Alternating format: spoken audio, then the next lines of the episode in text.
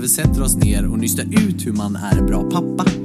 Vi kommer att prata om balansen mellan då och nu och förväntningar man har för att vara den perfekta föräldern.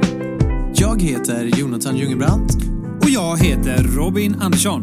och vi ska ta reda på hur man blir den perfekta farsan i den här podden Oss pappor emellan. För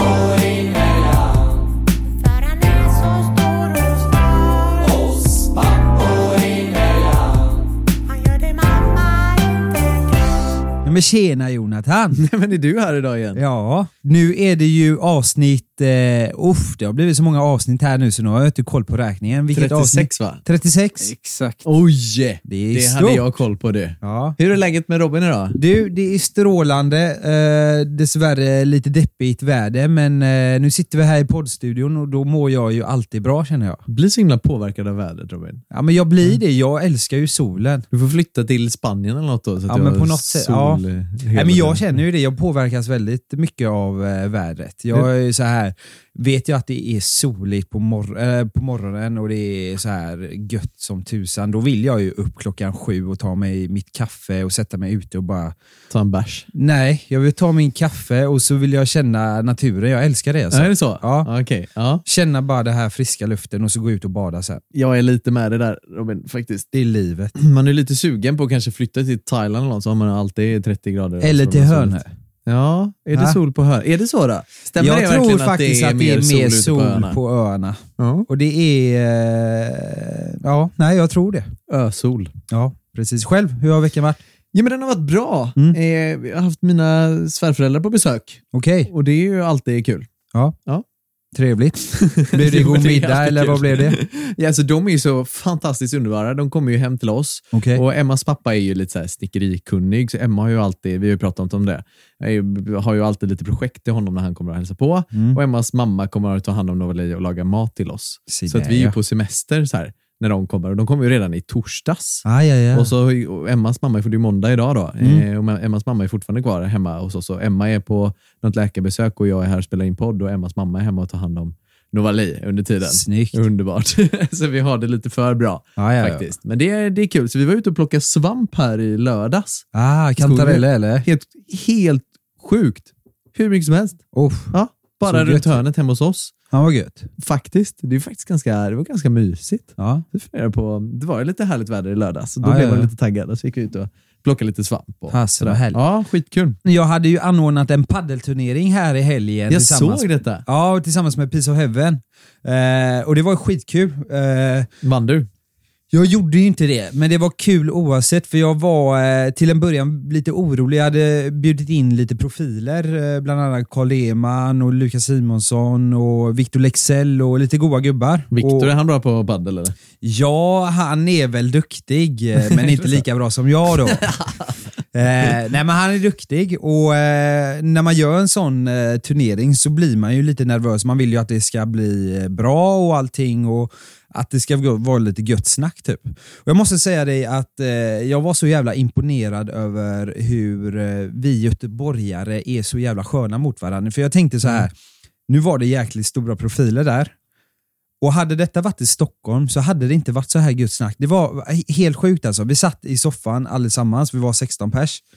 Och det var så jävla gött snack eh, Det var inget så här ytligt. Nej. Det var bara så här eh, skönt snack alltså. Ja. Och jag, jag la märke till det, jag kände det att, för när jag är i Stockholm så känner jag det, då kommer det här ytliga snacket och bla bla, ja, vad jobbar du med och hit och dit.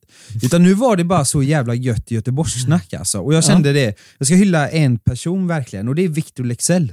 Ja. Jävlar vad god kille det var alltså. Han var så jävla, alltså, uff, han var så jävla enkel. han Jordnära var liksom. jordnära Ja, alltså. mm, jag fattar. Vad fan killen, han har ju den största låten nu i Sverige. Mm. Ja, Svag är 100 miljoner views har den ju nu. ja, mest jävlar. streamade låten på Spotify i Ja, svenska exakt. Brutalt. musik. Det var gubben i lådan som var nummer två. Mm. Och nu har han dominerat och tagit över den platsen. Och Ja, eh, Jag måste säga det, det bara var så sjukt för att han var så jävla jordnära, Ja, väldigt ödmjuk. Ja. ödmjuk. Eh, det var så, första gången jag träffade han, men det kändes som jag hade träffat honom flera gånger. Liksom. Det var så jävla Mm. enkelt snack.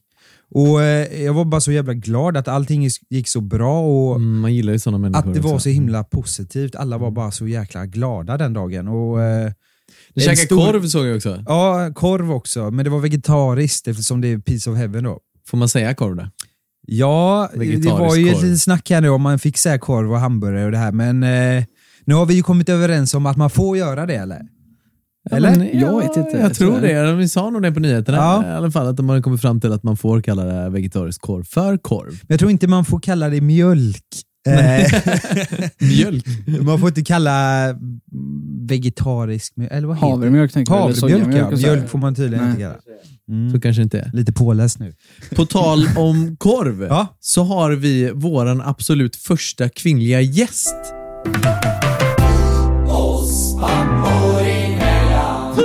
På tal om korv. Välkommen hit Maria Bovén. Boväng. Välkomnande. Boväng får man säga kanske. Ja. Välkommen hit. Tackar, tackar. Hur känns det att kliva in eh, i våran eh, Oss pappor emellan-podd? Ja, men det känns väldigt härligt att få Ja. vara första mamman Exakt i oss pappor emellan. Ja. Kan inte du berätta för oss, vem är Maria? Vem är Maria? Ja, det är en väldigt bra fråga som inte många har svaret på. faktiskt. Nej. Jag ska försöka besvara den, vem jag är. Eh, Som person så är jag väldigt eh, omtänksam. Jag är extremt driven och målmedveten. Och har jag väl bestämt mig för något och tror på det så har jag svårt att lägga ner det. Mm. Jag vill liksom fortsätta. Går liksom 100% in för det projektet. Precis. Mm. Eh, Det är bra och dåligt. Ja. Ibland är det jättebra när man, eh, det är något bra som man vill nå, men det kan ju också vara en nackdel såklart. Om man är för envis. Mm. Borde lagt ner tidigare. Märker någonstans att ah, men vi kommer ingen vart här. Nej. Nej. Och, då, och, och, vet, och liksom, nej, då lägger jag ner. Det funkar Mm. inte. Så det är viktigt i ett entreprenörskap till exempel. Såklart. Att den här idén Mm. funkar inte. Och, och släppa den och hitta på något annat istället. Är. Eh, sen är jag också väldigt ärlig. Det är någonting som jag har märkt det sista, att det är väldigt viktigt för mig. Att faktiskt vara den jag är och stå upp för det, oavsett i vilken roll jag är. Så jag har ju vissa personliga egenskaper, då, omtänksam, eh, driven, målmedveten och också det här med det ärliga, att jag vill att saker och ting ska vara rättvist här i livet. Och vad är rättvist då? Det är ju en stor fråga i sig. Eh, och ha med mig i alla fall den jag är, oavsett vilken roll jag är i. Så jag är ju mamma eh, till två fantastiska barn. Julia 11 och Theo 8. Jag brukar säga att han är 9, men han är 8. jag brukar glömma bort hur gammal han är. Eh, och sen är jag ju också fru. Eh, jag är coach och företagare. Jag är ju dotter, syster, svärdotter. Eh, och att jag vågar stå upp för min sak då. Vem Mm. jag är, vad som är viktigt. Och vara mig mer eller mindre all in, oavsett roll. Just det. Det var ett långt svar på en Det var, ett fråga. jätte, det var ett jättebra svar. Man är, du är allting med andra ord. Ja, Både ja, dotter och syster och allt vad det nu var. Ja. Ja. Du har skrivit en bok också. det har jag gjort. Ja, Kan inte du berätta lite för oss om den? det kan jag göra. Och den heter ju då Våga vara sann. Just det här att faktiskt vara sann mot sig själv. Mm. För jag har ju funderat mycket över de här frågorna. Vem är jag? Vad Mm. vill jag? Vad är viktigt på riktigt? Och faktiskt också våga. När jag väl kommer på ja, men det, är- det här är inte viktigt för mig. Det är det här andra som är viktigt istället. Och faktiskt våga gå in på den nya vägen istället. Just det. Eh, Så boken tar sin början i när jag får det som kallas för negativt besked av den advokatbyrå som jag, var, som jag då jobbade på. Mm. Det är inget konstigt i sig. Negativt besked låter väldigt dramatiskt. Man Mm. kanske tänker på en svår sjukdom eller någonting istället som hade varit mycket värre såklart. Eh, Det enda det betyder är bara att, att jag inte hade möjlighet att bli delägare på byrån. Just det. Och det kan inte alla bli, så det är inget konstigt med det överhuvudtaget. Men för mig, som alltid har varit en prestationsprinsessa, Mm. lagt hela mitt egenvärde i vad jag levererar och vad jag presterar, att då få ett besked som jag tolkade som, det är viktigt att jag tolkade det på det Mm. sättet, Mm. att jag inte dög. Att jag inte var tillräckligt nog. Just det. Det var riktigt hårt för mig. Ja. Så, så då, full, då var det som att när jag fick det där beskedet så öppnade sig himlen och faller rätt ner över mig. Och Det kändes också som att marken bara öppnade sig och jag föll rätt ner hårt. Okej. Eh, Och Det kan man ju tycka är, det kan jag ju tänka nu i efterhand, så här, var det så himla allvarligt egentligen? Det är ett jobb.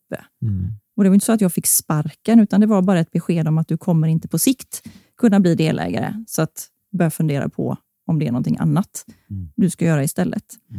Eh, Men det var just mitt bagage. eh, De här personliga egenskaperna, den här tendensen att oroa mig, att hela tiden vilja prestera för att vara alla andra till lags. Det var det som förstörde det för mig. Så det var mitt eget mindset egentligen. Och Sen handlar ju boken då om hur jag eh, dels tar mig igenom den här enorma oron och stressen över att då behöva komma på att göra någonting annat istället och börja jobba med min egen självkänsla. Eh, ta reda på vad jag vill. Och Då kommer också frågan in, vem är jag? Eftersom de styrkorna jag har hänger ju mycket ihop med vad jag vill. Jag vill ju göra någonting som jag är bra på eller bli bra på någonting. Just det. Eh, Så den går igenom stress och Mm. oro och de här typiska karriärfrågorna. Vad vill jag göra egentligen? Vad hände sen då? Eller vad gjorde du då? Vad gjorde jag? Ja. Hur jag, hur jag kom dit jag kom eller slutet? Ska du ha vad, slutet vad på gjorde boken? du när du fick reda på det här? Inga spoilers här. Nej, eh, okej. Berätta slutet av boken här. Nej, men vad gjorde du då när du fick reda på... Liksom, Får jag fråga, var, kom, var det ett möte de sa så här? Det var, nu, ja, det var ett typiskt utvecklingssamtal. Ja, mm, Ja. jag fattar. Mm. Och var du, hur, får jag fråga, var du så här i det mötet, var det så här, jag kommer få det? Eller var Ah, det Nej, lite... det var helt uh, oväntat. Ja. Det var en uh, blixt från en klar himmel. Det du var, var, typ hundra att du skulle få det liksom? alltså, nej, alltså, det var ju, jag hade jobbat där i fem år kanske, sex, ja, fem, nej, fyra, fem år. Jag minns Mm. inte faktiskt Ja, ja, exakt. ja. Jag har varit föräldraledig emellan, så därför har jag liksom, effektiv tid har jag inte riktigt koll på. Eh, Så för mig var det, skulle jag gå in på ett helt vanligt utvecklingssamtal, vilket Mm. som helst, där man bara går igenom en standardmall Okej. och allting är Okej. bra och eh, vad vill du framåt och sådär. Så att det här skulle komma, det här negativa Mm. Uff. beskedet, det var ju inte jag beredd på Nej. alls. Det, och jag var också höggravid. Det var Åh, med mhm. vårt första barn. Så hormonerna var ju, alltså känslorna Mhm. satt ju på utsidan. Mm. Eh, och, och då, det enda jag hörde, jag fick jättemycket positiv Mm. feedback, att jag är duktig jurist och trevlig att ha, ha att göra med eh, och att jag gör allt jag ska. Mm. Men det känns inte som du brinner för det här längre. Nej. Och det gjorde jag ju inte. Men det är ju ingenting man säger Nej, till sin exakt. arbetsgivare innan man har bestämt Nej. någonting annat. Nej. Så de gjorde ju helt rätt Mm. i det här. Att de fångade ju upp att jag inte längre brann för det här. Nej. Men jag hade inte fattat det själv. Nej. Just för att jag hela tiden bara gör vad alla andra vill. Mm. Utan att reflektera över, är det här bra för mig eller Exakt. inte? Nej, just det. Så det, var, så det var oväntat. Mm. Det är långa svar på Ja, men korta verkligen. frågor. Det finns inga för långa svar eller så. Nej, det verkligen inte.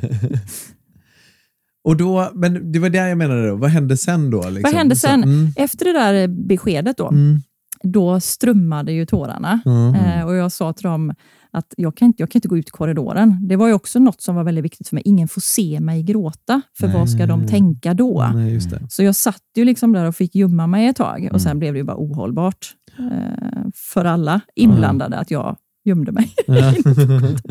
Så jag smög ut, liksom tittade runt hörnet, sådär, Mm. smög ut så ingen annan var i närheten. Så gick jag in på mitt rum, eh, ringde min man, det första jag gjorde, sa eh, jag har fått sparken, men det Mm. hade jag inte. Nej. Men det var ändå så jag upplevde Ja, det. mm.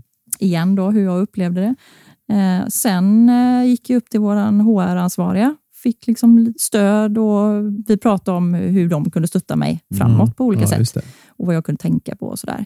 Eh, och sen gick jag hem, tror också jag stannade hemma ett tag. Ja, La mig under täcket, ja. grät, dig livet var hopplöst. jag fattar. La mig ner och, och dog. Liksom. hanterade det som en vuxen. Eh, Precis. Kommer in på barn här på ett väldigt naturligt sätt. Jag vill inte vara med, jag lägger mig här och skriker tills jag får vad jag vill. Men jobbade du kvar där sen eller kände du att det fick jag, vara liksom... Nej, jag var kvar eh, ett tag. Dels gick jag hem på föräldraledighet, Ja. bara två veckor senare tror jag. Så då hade jag ju föräldraledigheten på Mm. mig eh, att fundera. Mm. Jag var inte alls gravid med första barnet, det var faktiskt andra barnet. Okej. Ja, Mm, det ser man. mm. Jag kommer inte ihåg helt. Ehm, så då var ju tanken att jag skulle fundera på vad jag Ja. ville egentligen och det Just tog det. ju sin lilla tid. Mm. Eh, och då började jag ju fundera, då började jag ju haka in på den här gamla drömmen. För det var nämligen så att jag är jurist i grunden, såklart, när jag jobbat på en Mm. advokatbyrå. Ja, jo, mm. Satt ting då, som man kan göra efter, eh, som en AT-läkartjänst ungefär, fast för jurister. Mhm. Att vara ja, lite som en domarpraktikant. Ja, okej. Man gör liksom Mm. de enklare sakerna som domare gör. Förbereder domar och eh, skriver protokoll och sådana där saker.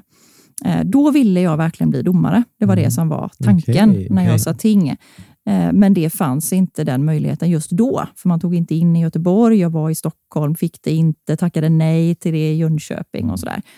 Eh, Så då sökte jag advokatbyråer så länge, Just det. mm, tills domarmöjligheten skulle dyka upp igen. Ja. Eh, Och jag fick faktiskt den efter att jag började då på den där byrån.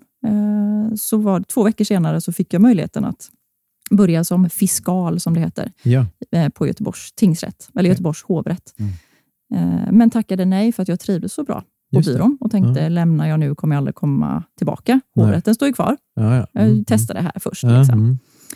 Ehm, så det var det jag halkade in på. Det var mycket funderande hemma under Ja. föräldraledigheten. Mm. Först var det bara sökte liksom bara bolagsjuristtjänster och såna här saker som alla andra gör, som man förväntas göra och det som är det vanliga när man lämnar en advokatroll. Mm. Eh, Men kom på att nej, men domare, ja, det kanske var någonting som skulle satsa på igen. Eh, Så, så, det, så blev Efter det. du slutade Mm. på byrån då? Ja, jag Ja, var ju, mm. gick ju hem på föräldraledighet efter det Mm. där beskedet. Eh, var, han jobbar kanske någon månad max Just det. efter föräldraledigheten och sen började jag som extern adjunkt. Det är många konstiga titlar här. som är en annan väg in mm. i, i domarkarriären. Förutom den traditionella så kommer man in lite från, från sidan sådär, Ah. för att man har jobbat med kvalificerade juridiska ehm, roller innan. Så då var jag där i nio månader på hovrätten Som domare då? som domare. Mm. Och då tänkte jag bara, ja, men det är ju det här. Det är jättebra. Ja. Mottogs väldigt bra, allting Mm. var jättebra. Och så tog det inte särskilt lång tid förrän jag kände igen att nej, det var inte det här heller. Hur var det egentligen att jobba som domare från det ena till det andra? Ja, Träffade en hel del märkliga människor kan jag tänka mig. en hel del märkliga människor, eh, en hel del tragiska människoöden såklart. Ja. Det är inte särskilt uppiggande Nej. att sitta i de här förhandlingarna, för det är ju ofta saker som går fel. Ja. No, precis, det är en helt saker. annan bransch än du Robin. Ja, det kan man verkligen säga. Det är ju så här, verkligen två helt olika. Mm. Ja. Ja, shit vad, vad sjukt. Finns det något, kan man kanske inte få säga så mycket egentligen, men om det finns Egentligen någon får man säga riktigt... ganska mycket eftersom Ja, okej. alla förhandlingar, allting är ju Ja. offentligt. Men Man får jag, gå till och med på dessa... Men ja, Ja. Har du träffat någon riktigt sjuk människa? Där. Ja, nej, men alltså, vad ska jag säga då? Han har ju Någon träffat som- dig. någon, inte i hovrätten hoppas jag.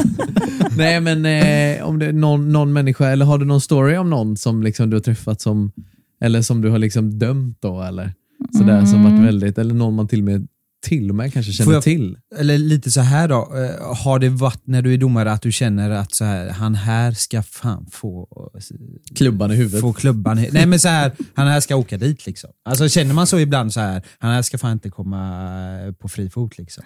För mig var det lite tvärtom. Ja. Och Det var också en grej som gjorde att jag kom på att det här är inte min grej heller. Nej, För att jag står för rättvisa. exakt. Det var ju Mm. någonting som, det var därför jag, jag var också varit, också varit inne på åklagare och Mm, nu just det. då var det ju domare. För att jag ville skipa rättvisa, göra någonting nyttigt för samhället. Sådär. det. Det. var Mm. liksom Ja, jag förstår bakgrunden till varför Mm. jag ville göra det där. Men jag märkte att jag alltid i stort sett ville döma till vård istället Mm. för fängelse. Ja. Väldigt, det finns ju någonting som heter, ehm, ja, nu försvann den bara så länge sedan jag var jurist, men det här att och vid tvivel så väljer man det mildare. Ja. Okej. alltid. Mm. Så att om man inte riktigt är, är, är han skyldig eller inte, så då är det självklart att då räknar man som att han inte är skyldig. Liksom. Det finns ju väldigt starka beviskrav och sånt Mm. för det.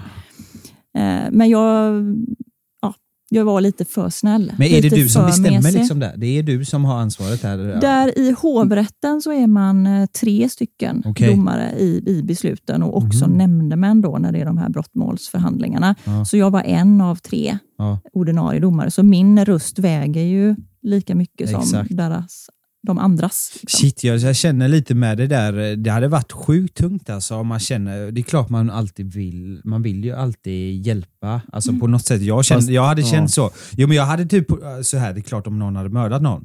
Men på något sätt hade man ju ändå velat så här, fan kan inte denna människan få lite hjälp då i livet? Han måste ju ha det jävligt trasigt. Det, För det går man är ju- igenom något sånt så är det ju hemskt. Min- Min för detta, min, min för detta flickvän hon eh, jobbade inom kriminalvården. Mm. Eh, och eh, Hon jobbar ju på anstalten Skogome eh, där det är sexualbrottslingar. Och det var ju, vi fick ju för oss att sitta och läsa lite domsmål och sånt ibland. Mm, mm. Lite nyfiken på hur du hanterar sådana mål. kan ju ibland vara Ja. väldigt... Jag kunde inte läsa vissa av dem. Jag Nej. fick så här att armbåge i ögat hade ju varit för lite för dem. Liksom. Ja. Mm. Ja, det- det är fan, sånt jag, man- blir, man- jag blir arg hela Ja. man, hade, man mådde på dåligt ibland. Men så, liksom. så var det och det, jag Ja. mådde dåligt av det. verkligen. Eh, vissa bilder jag har sett Uff. önskar jag att jag aldrig hade behövt se. Nej. Eh, ibland, det är klart, för åklagaren lägger ju fram en massa Mm. bevisning. Ja, det är klart. Otrevliga bilder och filmer sådär som man behöver titta på. Men det är många gånger som jag har liksom fått behövt titta bort lite. Så. Ja. Fan. Ändå granska allting såklart, Ja, men mm. jag, är också en sån som person som, har, eh, som är högkänslig. Mm. Så andras känslor så går ju rätt in. Ja. Så att alldeles oavsett om det är offret, för det är inte alltid helt enkelt att sitta i förhandlingar heller. Nu det är ju skillnad på brott och brott och situation Mm. och situation. Eh, Men eh, ja, jag har suttit på eh, grova, grova barnpornografibrott till exempel. Eh, grov misshandel, dråp, Ja, fy fan. Men där yx, kan man också- yxa i ryggen, liksom såna här saker. Ah, fy fan. Men ibland kan man också, så här, behöver inte rättfärdiga eh, någon handling, men det kan alltid finnas anledningar till att Ja. handlingen utförts också. Där måste det ju vara Mm. bevisningen då som ni ska hävda. Så, eh, sånt kan ju vara jättesvårt att hitta, liksom att eh, om någon har utfört en jättehemsk handling, men ut, varför det utfördes Mm. finns en förklaring till. Mm. Vägs det? Det kan man, man kan ta in det till viss, till viss del. Mm. Det, är- det är ju aldrig okej att begå ett Nej, brott bara för att det fanns en viss anledning, men det kan ändå påverka st- straffet på olika sätt. Mm. Ja. Ja, men spännande jobb ändå. Kan Ja, man, ju ändå det kan man ju verkligen säga. man skulle typ vilja suttit jämte bara sett hur det gick till. Ja, Liksom. ja. Alltså, så. Men, Eh, Så Visst, det har ju varit ja. väldigt värdefullt. Jag är väldigt tacksam jag. för dels Mm. tiden på advokatbyrån och också tiden med, som domare, för att jag har ju fått mycket med mig. Liksom. Mm. Så alla de här inte vill har ju också lett fram till vad är det jag vill då Mm. egentligen. Just det. Så det jag kände när jag satt eh, som domare, det var ju ofta det här att jag hellre ville döma till vård. Ja, men även om det nu är någon som har eh, gjort inbrott för tjugonde gången, liksom, kanske på grund av att man har eh, ett drogmissbruk som behöver finansieras på något sätt. Och, eh, när man då säger att ja, men den här gången vill jag eh, ta tag i mitt liv. Nu vill jag ha vård. Nu har jag bestämt mig.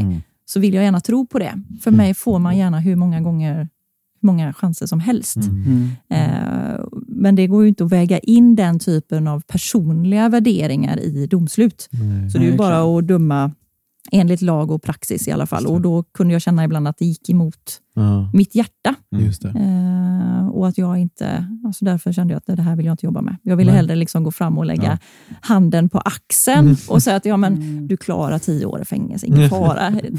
Sådär. Mm. Eller ja, det var ett jobb, nu förstår jag att det var jobbigt för dig, men liksom, jag ville hellre ta vid där och stötta och lyfta framåt istället för att Mm, just det. döma eller straffa det som har hänt. Så efter, vad sa du, ett år?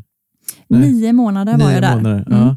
Så slutade du där? Eh, Då, då, då, det var en tillfällig tjänst. Okej. Mm. Normalt sett är man där sex månader. Jag Ja. fick förlängt med tre månader för att jag hade ett större mål som skulle skriva dom och sådär. Så Okej. fick jag förlängt. Eh, Och sen gick jag tillbaka till advokatbyrån igen, för jag var ju bara tjänstledig när jag var domare. Eh, Började då jobba med arbetsrätt. Tyckte det var jättekul att jobba med arbetsrätt. Mm. Eh, och det gjorde, det här eh, att jag jobbade med arbetsrätt, gjorde att jag sen kunde börja jobba som ombudsman istället. Okej. På ett stort fackförbund. Vad gör man då som Eh? Då förhandlar man för medlem, fackförbundets medlemmar, privata tjänstemän, i olika typer av eh, arbetsrättsliga tvister Mhm. med arbetsgivaren. Typ, jag Ah, har inte fått mm. min lön eller man har blivit uppsagd på grund av eh, oskäliga omständigheter. Eller det. är omorganisationer. Väldigt mycket omorganisationer är det ju nu Mm. såklart. Och då företrädde jag medlemmen.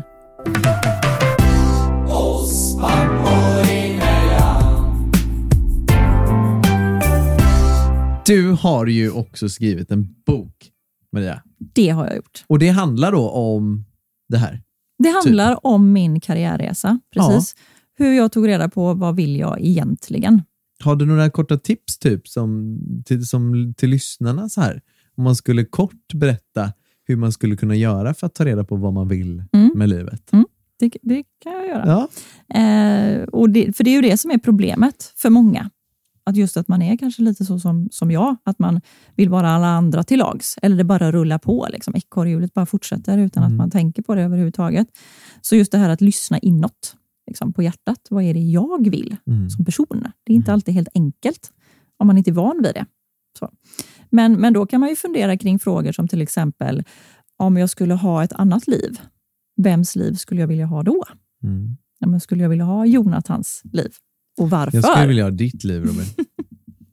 Bara glassa på hörna hela dagarna. Tjäna en jävla massa pengar. Skulle vilja ha haft Maria så sitta och slå med, Klubban. Ja, klubban. Där, Du hade bara klubbat hela tiden. Bara, Ja, nej, 10 år, 10 år. 15 år, ja, Och 20 år. swisha med 200 000 om du ska ha lite ett år. Och de är som jag bara tänker, oj, att man tänker att eh, jag vill tjäna massa pengar i mitt liv. Vad ska man göra då? Det, det, där tror Jag jag... visste att du skulle nämna pengar alltså. För där är det pengar, pengar, pengar. Frågan är ju vad du vill använda pengarna till och varför du vill ha Jag vill köpa pengar. en Porsche. Du vill köpa en Porsche. Ja. Mm. Kan det vara så att du gillar fart och fläkt? Ja, Ja. Och då kanske du ska jobba med någonting som också har med fart och fläkt att göra. ah, det skulle man kunna Ja. göra. Entreprenör, då är man ju fart och fläkt hela tiden. Ja, det är mycket. Du har Vad många ska du med alla pengar till? Blir du lyckligare med alla de här pengarna? Ja, de nötterna som säger att man inte blir lyckligare av pengar, de har ju fel. Nej, det har de inte. Jo. Kolla på ett bevis på min mormor och morfar. De Ja. var luspanka. Ja, De har varit så lyckliga. ja, de har fått massa pengar av dig nu. det är klart de är lyckliga då. Men jag förstår, det är klart man hade velat ha pengar, men Jo, jag men- tror inte man blir mycket lyckligare. Jag hade blivit sjukt mycket lyckligare om jag haft mycket pengar.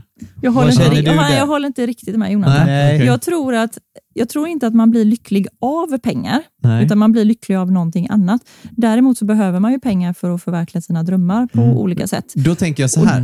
Och, Låt den avsluta. Jonas. vänta lite bara. och jag det kan ju vara så om man har väldigt lite pengar, Ja, så är ju ekonomisk stress och oro exakt. vä- väldigt dränerande. Ja, Eh, och därför behöver man ju ha en viss nivå av inkomst är för det. att kunna vara Ja. lycklig. Men jag tror inte bara för att någon ger dig säg, en miljon bara sådär, swish, så blev du lycklig av det. Det kan ju underlätta på massa olika sätt. Jag skulle ju bli lyckligare. Du skulle bli lycklig. Ja. Han skulle ha suttit Jo, med men en då kan man Rolex ju- i handen nu. Nej, men inte så. Inte just för prylarnas skull, men precis det har ju med den ekonomiska stressen att göra. Att man känner sig ju alltid lite grann stressad över pengar. Eller alltså, gör inte alla, eller jag tänker att Fast alla då, gör nu det. sa att ju alla, du att du ville köpa en Porsche. Varför ska du ha en Porsche om du kan men köpa för en, miljon så får jag ju en halv Porsche. Liksom.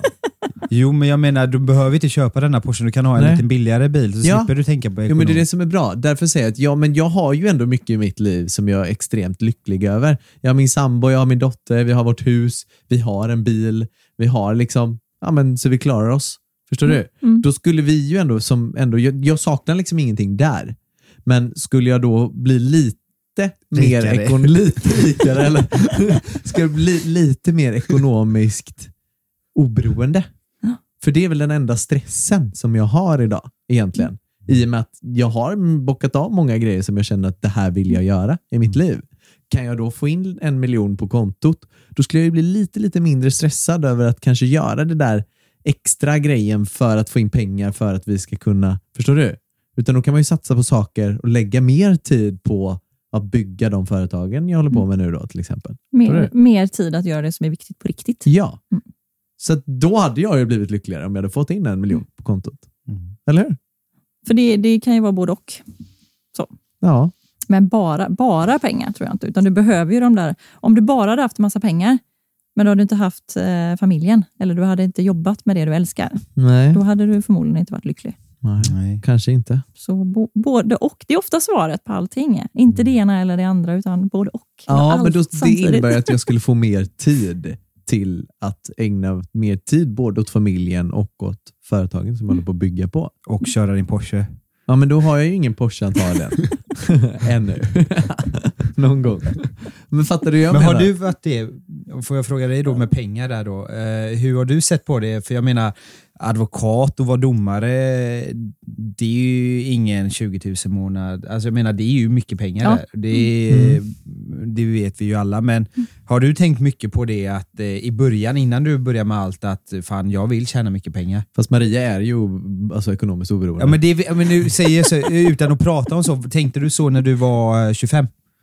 Att pengar var Nej, jäkligt pengar viktigt? har aldrig drivit mig. Nej. Det är inte det som driver mig, men absolut så har jag upplevt ekonomisk stress sedan Mm. jag började entreprenörsresan. Ja. Så när jag var advokat så tjänade, hade jag en hög månadslön Mm.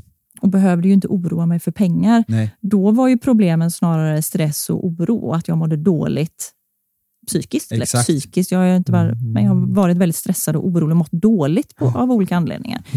Det. och men då var inte pengarna ett problem. Nej. Så när jag började fundera på, ja, men här, här vill jag inte vara och här kan jag inte vara, som det visade sig också. Jag hade ju kunnat gå till eh, en annan advokatbyrå eller börjat jobba som bolagsjurist eller gjort någonting annat där jag hade tjänat väldigt mycket pengar. Det hade ju kunnat, den möjligheten fanns ju. Men jag kände ju att jag vill göra någonting annat som var mer meningsfullt för mig. Mm. Som kändes viktigt för mig och vad är det jag brinner för och blir glad av.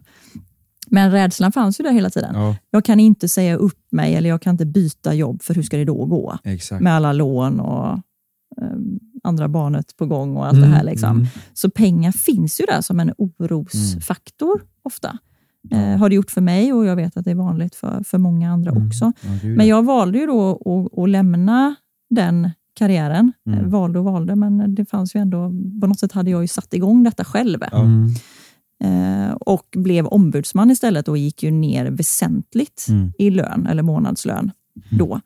Eh, och Sen bestämde jag också att jag ville vara föräldraledig på fredagar, så då gick jag ju ner ännu mer i lön. Mm. Så att jag hade ju väldigt mycket mindre kvar netto än vad jag hade som advokat. Och Sen valde jag istället då, när jag, för det är lite så som, om jag nu ändå ska spoila slutet på boken själv då istället kanske är bättre. Så, eh, så valde jag ju ändå att begära tjänstledigt från den anställningen för att testa och starta företag. Och då hade jag inte en enda kund. Nej. Så när jag gick, lämnade då den här trygga anställningen, eh, jag hade, kunde ju ändå komma tillbaka om det inte skulle gå bra, men jag hade ju inte en enda krona. Liksom. Och Det var en, en skön, liksom, hisnande känsla på något sätt också. Mm. En frihetskänsla. Sen har ju den ekonomiska oron följt med mig hela min Ja, entreprenörsresa. Att aldrig veta, kan jag betala räkningarna den 25 Mm. eller inte? Mm, Och Det har alltid gått, men det har alltid funnits en oro. Mm. Och Det är ju många entreprenörer som, Ja, som upplever det. Mikael Wigerud var ju ett gott eh, exempel Ja, som vi hade här. Han var ju eh, väldigt högt upp i SKF. Mm.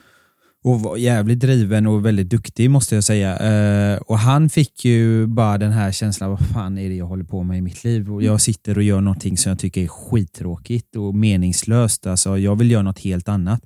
Och han sa ju det till chefen, du jag vill säga upp mig. Och eh, jag kommer åka till Indien och eh, meditera och chefen sa, men ska du inte bara ta, vad heter det, Tjänstledigt. tjänstledigt? Och han sa, nej men då kommer jag inte kunna släppa allting utan Nej. jag ska bara försvinna och så ska jag eh, tänka på att göra det som jag egentligen brinner för. Och sen blev ju han, eh, ja, har ju lite företag här nu och det tycker jag är jävligt häftigt.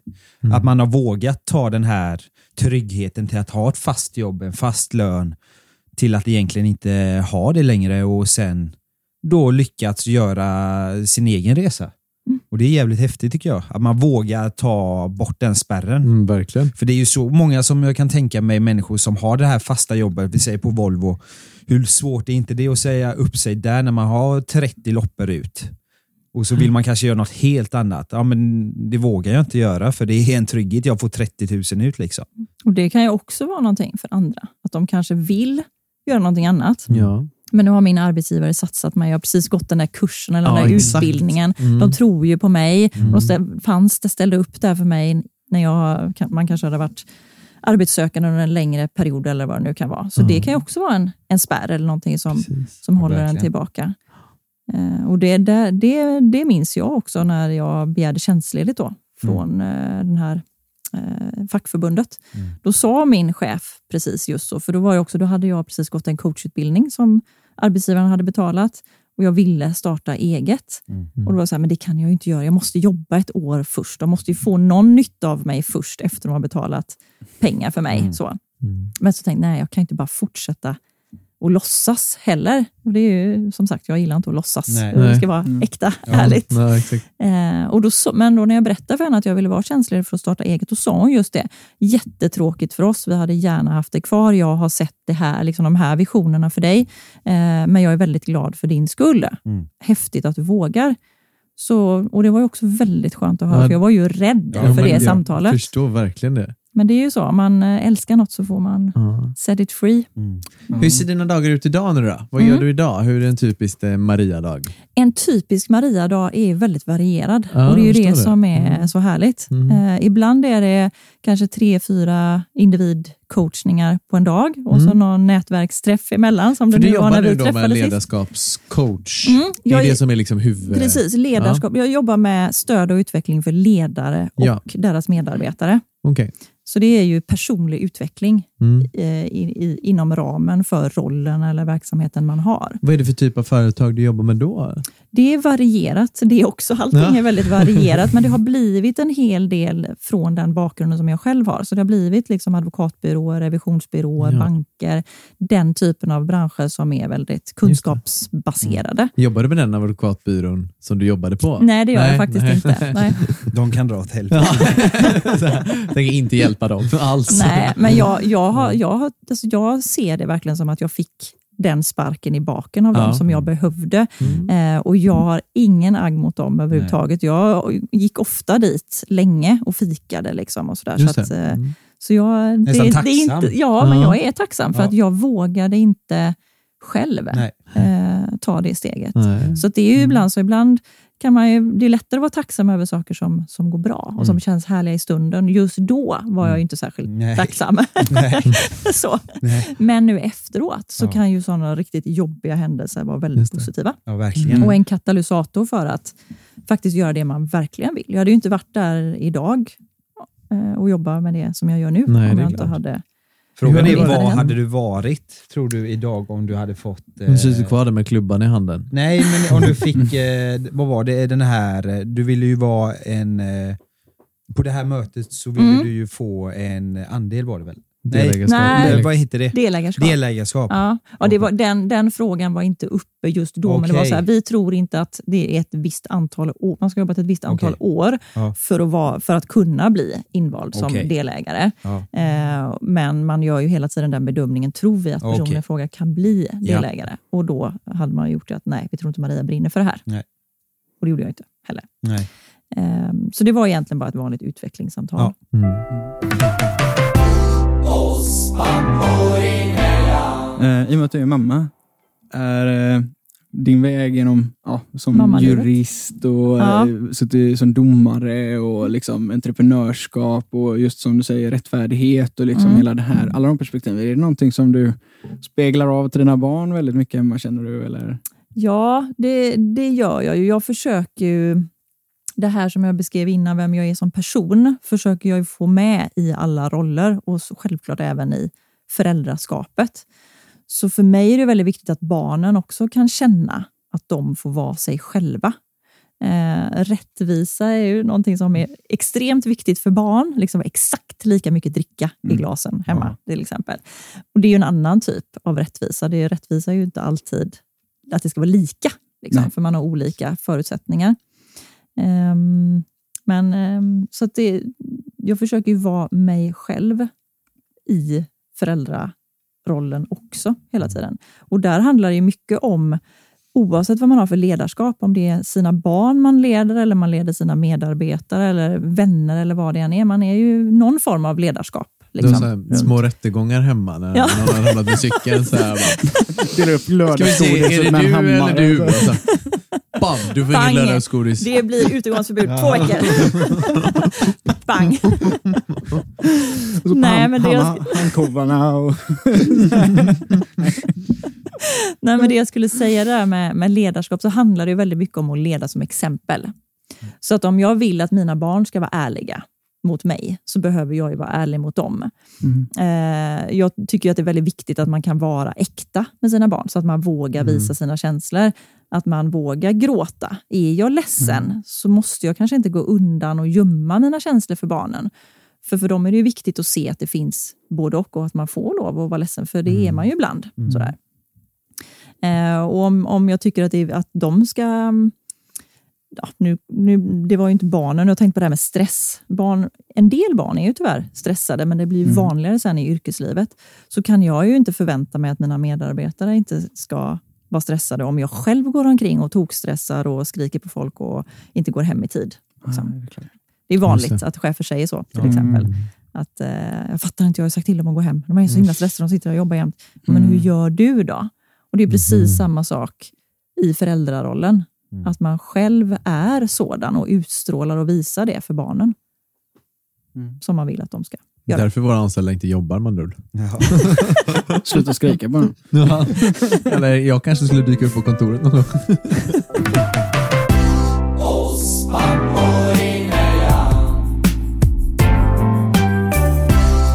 Vad, hur har liksom det här coronaåret eh, påverkat dig och din business? Positivt eller negativt? Eller hur känns det? Liksom? Både och. Ja. Alltså det har blivit mer oro. Jag har ju Mm. fått eh, föreläsningar och workshops och sånt avbokade liksom, direkt Mm, mm. så fort corona gjorde sitt Mm. inträde. Mm. Eh, Utan förklaring. Liksom bara, nu avbokar vi. Mm. Okej, men det är ju i övermorgon. Sådär. Ehm, men sen, jag har ju tränat så mycket på att försöka se det positiva och Ja. möjligheter i saker och ting.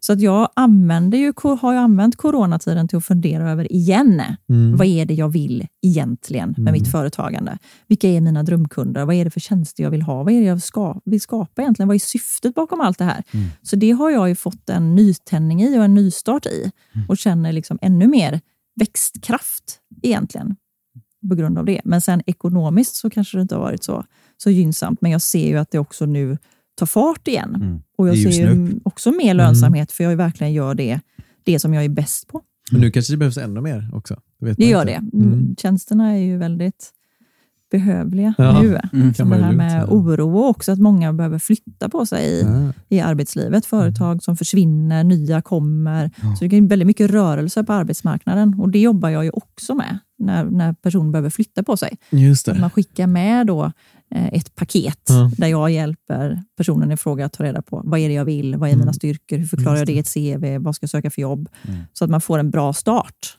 Det är ju många arbetsgivare som vill ge det Mm. till sina anställda. För att, Mm. Det är smart Ja. ändå. Mm.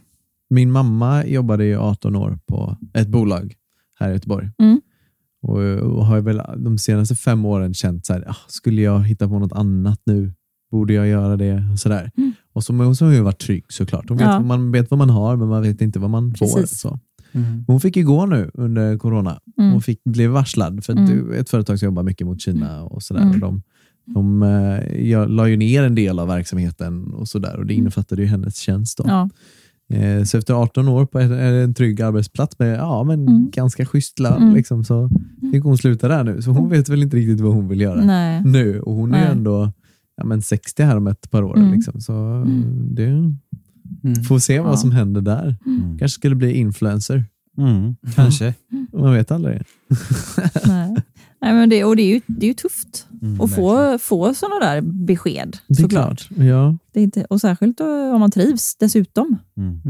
Finns, kanske inte känns som att det finns någon eh, uppsida Nej, på det där. Nej Har men du, precis. Jag fråga, har du varit någonting, eh, tänkt lite kring det här med, just när vi pratar ändå influencer, har du varit lite i den eh, marknaden, alltså har du lite koll typ eller no, tänkt typ kanske, alltså ja, men det här kanske jag skulle vilja, inte att du kanske vill vara en influencer, men jag kanske jobbar inom något sånt. Bara kul att veta, Ja, med coaching eller något sånt. ja, precis. Jag eh, har, har, skulle vilja ha mycket Ja. mer koll på det där. Ja. Hur, hur når man ut liksom, på, i sociala medier och sådär. Mm. För då får, då får man ju uppmärksamhet. Mm. Också lättare att sälja sina tjänster och, och hjälpa Ja, ja. ännu Mm. mer personer med det jag brinner för. Liksom. Eh, så där kan jag gärna ta emot lite tips. Ja. Det är bara att vara med i PH. Men jag har inga... Du är mannen, jag har kickat i Mexiko en månad. ja. Jag är lite nyfiken. Du har ju en blogg. Ja, Uh, heter den Sanna Steg? ja, precis. Ja, eh, och det är lite är det, det är lite din väg. Jag, jag var lite var inne och kollade på, vi Ja. pratade ju i telefon i, var det fredags? Eh, onsdags tror jag det var. Onsdags var det, ja. Ja. Precis. Ja. Ehm, ja, så då var jag inne och kollade lite Ja, sådär. ja. Sen så har jag haft kaotisk vecka så jag har inte Ja, riktigt kikat på allting heller. Men är det någonting lite vägen till vad du är idag? Eller Ja, men det är det absolut. Den bloggen har varit jätteviktig för mig. Mm. Det var någonting som jag startade när jag då var ombudsman på det här fackförbundet och började fundera på vad vill jag egentligen?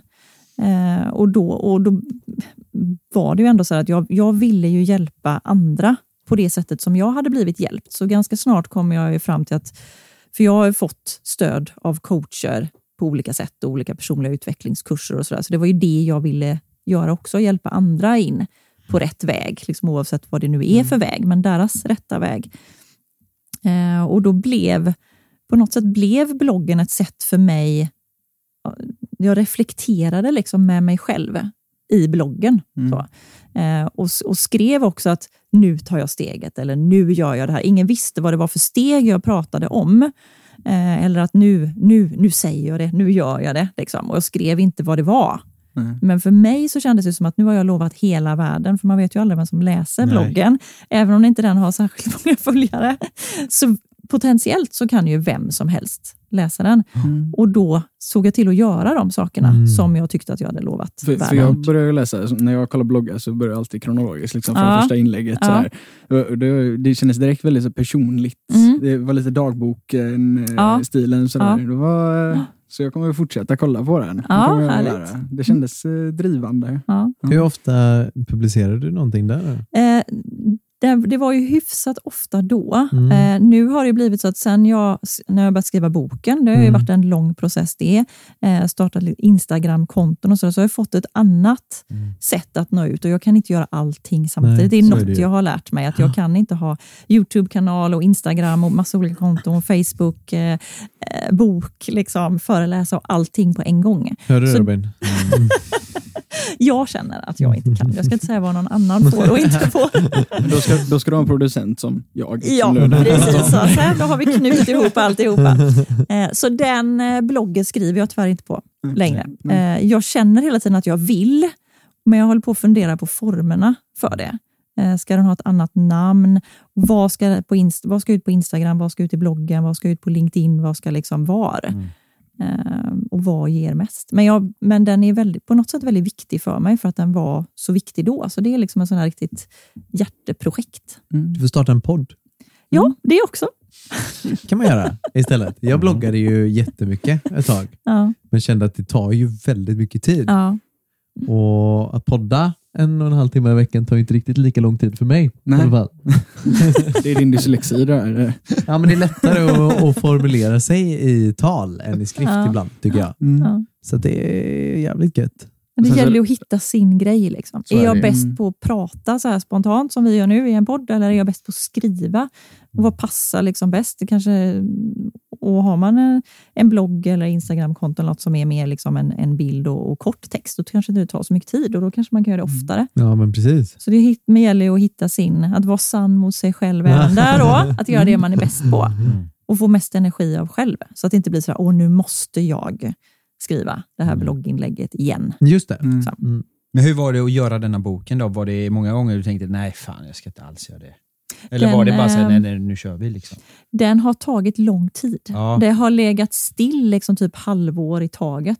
Mm. Eh, från början var det tanken att boken skulle vara mer som en eh, praktisk handbok för Mm. Sen så blev det att jag tänkte att jag skulle ha mina blogginlägg i boken med bara något litet kapitel eller Mm. någonting emellan. Sådär. För jag tänkte det var enkelt. Då behöver jag inte skriva så mycket, bara samla upp alla Mm. blogginlägg. Jag tänkte bara, nej det finns ju en blogg. Varför ska jag köpa en bok om det finns en blogg? Liksom? mm. Så det där har verkligen växt fram, som det är med många kreativa projekt. Mm. Så nu är ju boken det är min självbiografi Mm. om hur jag tar reda på vad som hände, vad det är som har gjort att jag har bytt karriär Mm. och den stora personliga utveckling som har skett parallellt Mm. med min karriärresa. För jag har ju behövt stärka min självkänsla. Jag har ju behövt hantera min stress. Jag har behövt ta reda på vad är det jag vill och jag har liksom fått öva mig och våga stegvis Mm. hela tiden. Mm. Så det är den självbiografin, men det finns också tips eh, och självcoachande frågor Just som det. vägledande avsnitt emellan varje Så som jag kapitel. började det- kolla i, på bloggen så Mm. känns det lite, det är lite prequel till boken då eller? Så här, Ja, men det kan nog vara så att eh, hade, jag var nog, behövde nog börja med bloggen först för att våga sätta ord på mina tankar och känslor för att sen kunna skriva en bok. Just det. Jag älskar omslaget av boken också. Ja, Ja. det är ju väldigt fint. Vad kan det bero på? Vem har fotat den? Vad är det för, nu vet inte jag vad det är för något. Nej, jag sa det. bilden till omslaget Jaha. på boken. Ja. Har jag gjort. Så det är Jonathans foto Ja, på ja, Ja, framsidan. det är därför den har lyckats så bra, Ja. boken. Ja. Det är därför den når så många människor. Precis. Var det svårt att släppa boken? Alltså, kände du att eh, fanns det någon rädsla där på något sätt? Oh, När du ja. ändå har gett så mycket. eh, Ja, jag kan tänka mig att det är många gånger du tänkt så här, nej ska jag verkligen, eller ska jag inte? Nej, det, så har det verkligen varit. Jag, Men det är också någonting som jag har fått bearbeta under tiden. Ja. Att jag har fått pra, att jag har pratat med personer och sagt Åh, vad läskigt att ge Mm. ut den här boken. Nej då. Nej. Och varje gång jag har liksom pratat om det, för det är det här med det negativa beskedet Mm. till exempel, Mm. som har varit väldigt känsligt. Du tänkte ifall du skulle ska- få lite negativa kommentarer Precis. och lite så? Ja. Ja. Och vad säger branschen Exakt. om det? Mm. Och sådär. Så det har varit väldigt läskigt. Men det jag har oroat mig för har ju inte hänt Nej. alls. Nej. Nej. Och så det har ju varit genomgående hela livet. Mm. Nej, så kan jag inte göra. Vad ska de säga då? Nej, Och så ja. gör man det och så får man bara kärlek tillbaka. Ja. Ja. Så, ehm, Var hittar man boken nu då om man som lyssnare vill gå in och man liksom kan hitta den på alla boken? traditionella ställen. Ja. Adlibris och Bokus Okej. och bokhandlar. Oftast finns den inte i fysisk form på bokhandeln, men du Nej. kan beställa den i Just det. bokhandeln. Mm. Sen finns den också på min hemsida. Ja. Och bestämma. Så sannutveckling.se slash våga. Har du någon god rabattkod här nu? Till, Det är klart vi ska Första ha en god-. Och så här. emellan så får du 10 procent Ska vi ha oss pappor emellan? det tycker jag. Ja. Ah. Oss pappor emellan i ett ord. Yes. Och då får man... Då får man eh, 30 procent på boken. Oj! Jajamän. Nu fan, nu ska Den. jag gå in och köpa bok. Herregud. Finns den i ljudbok?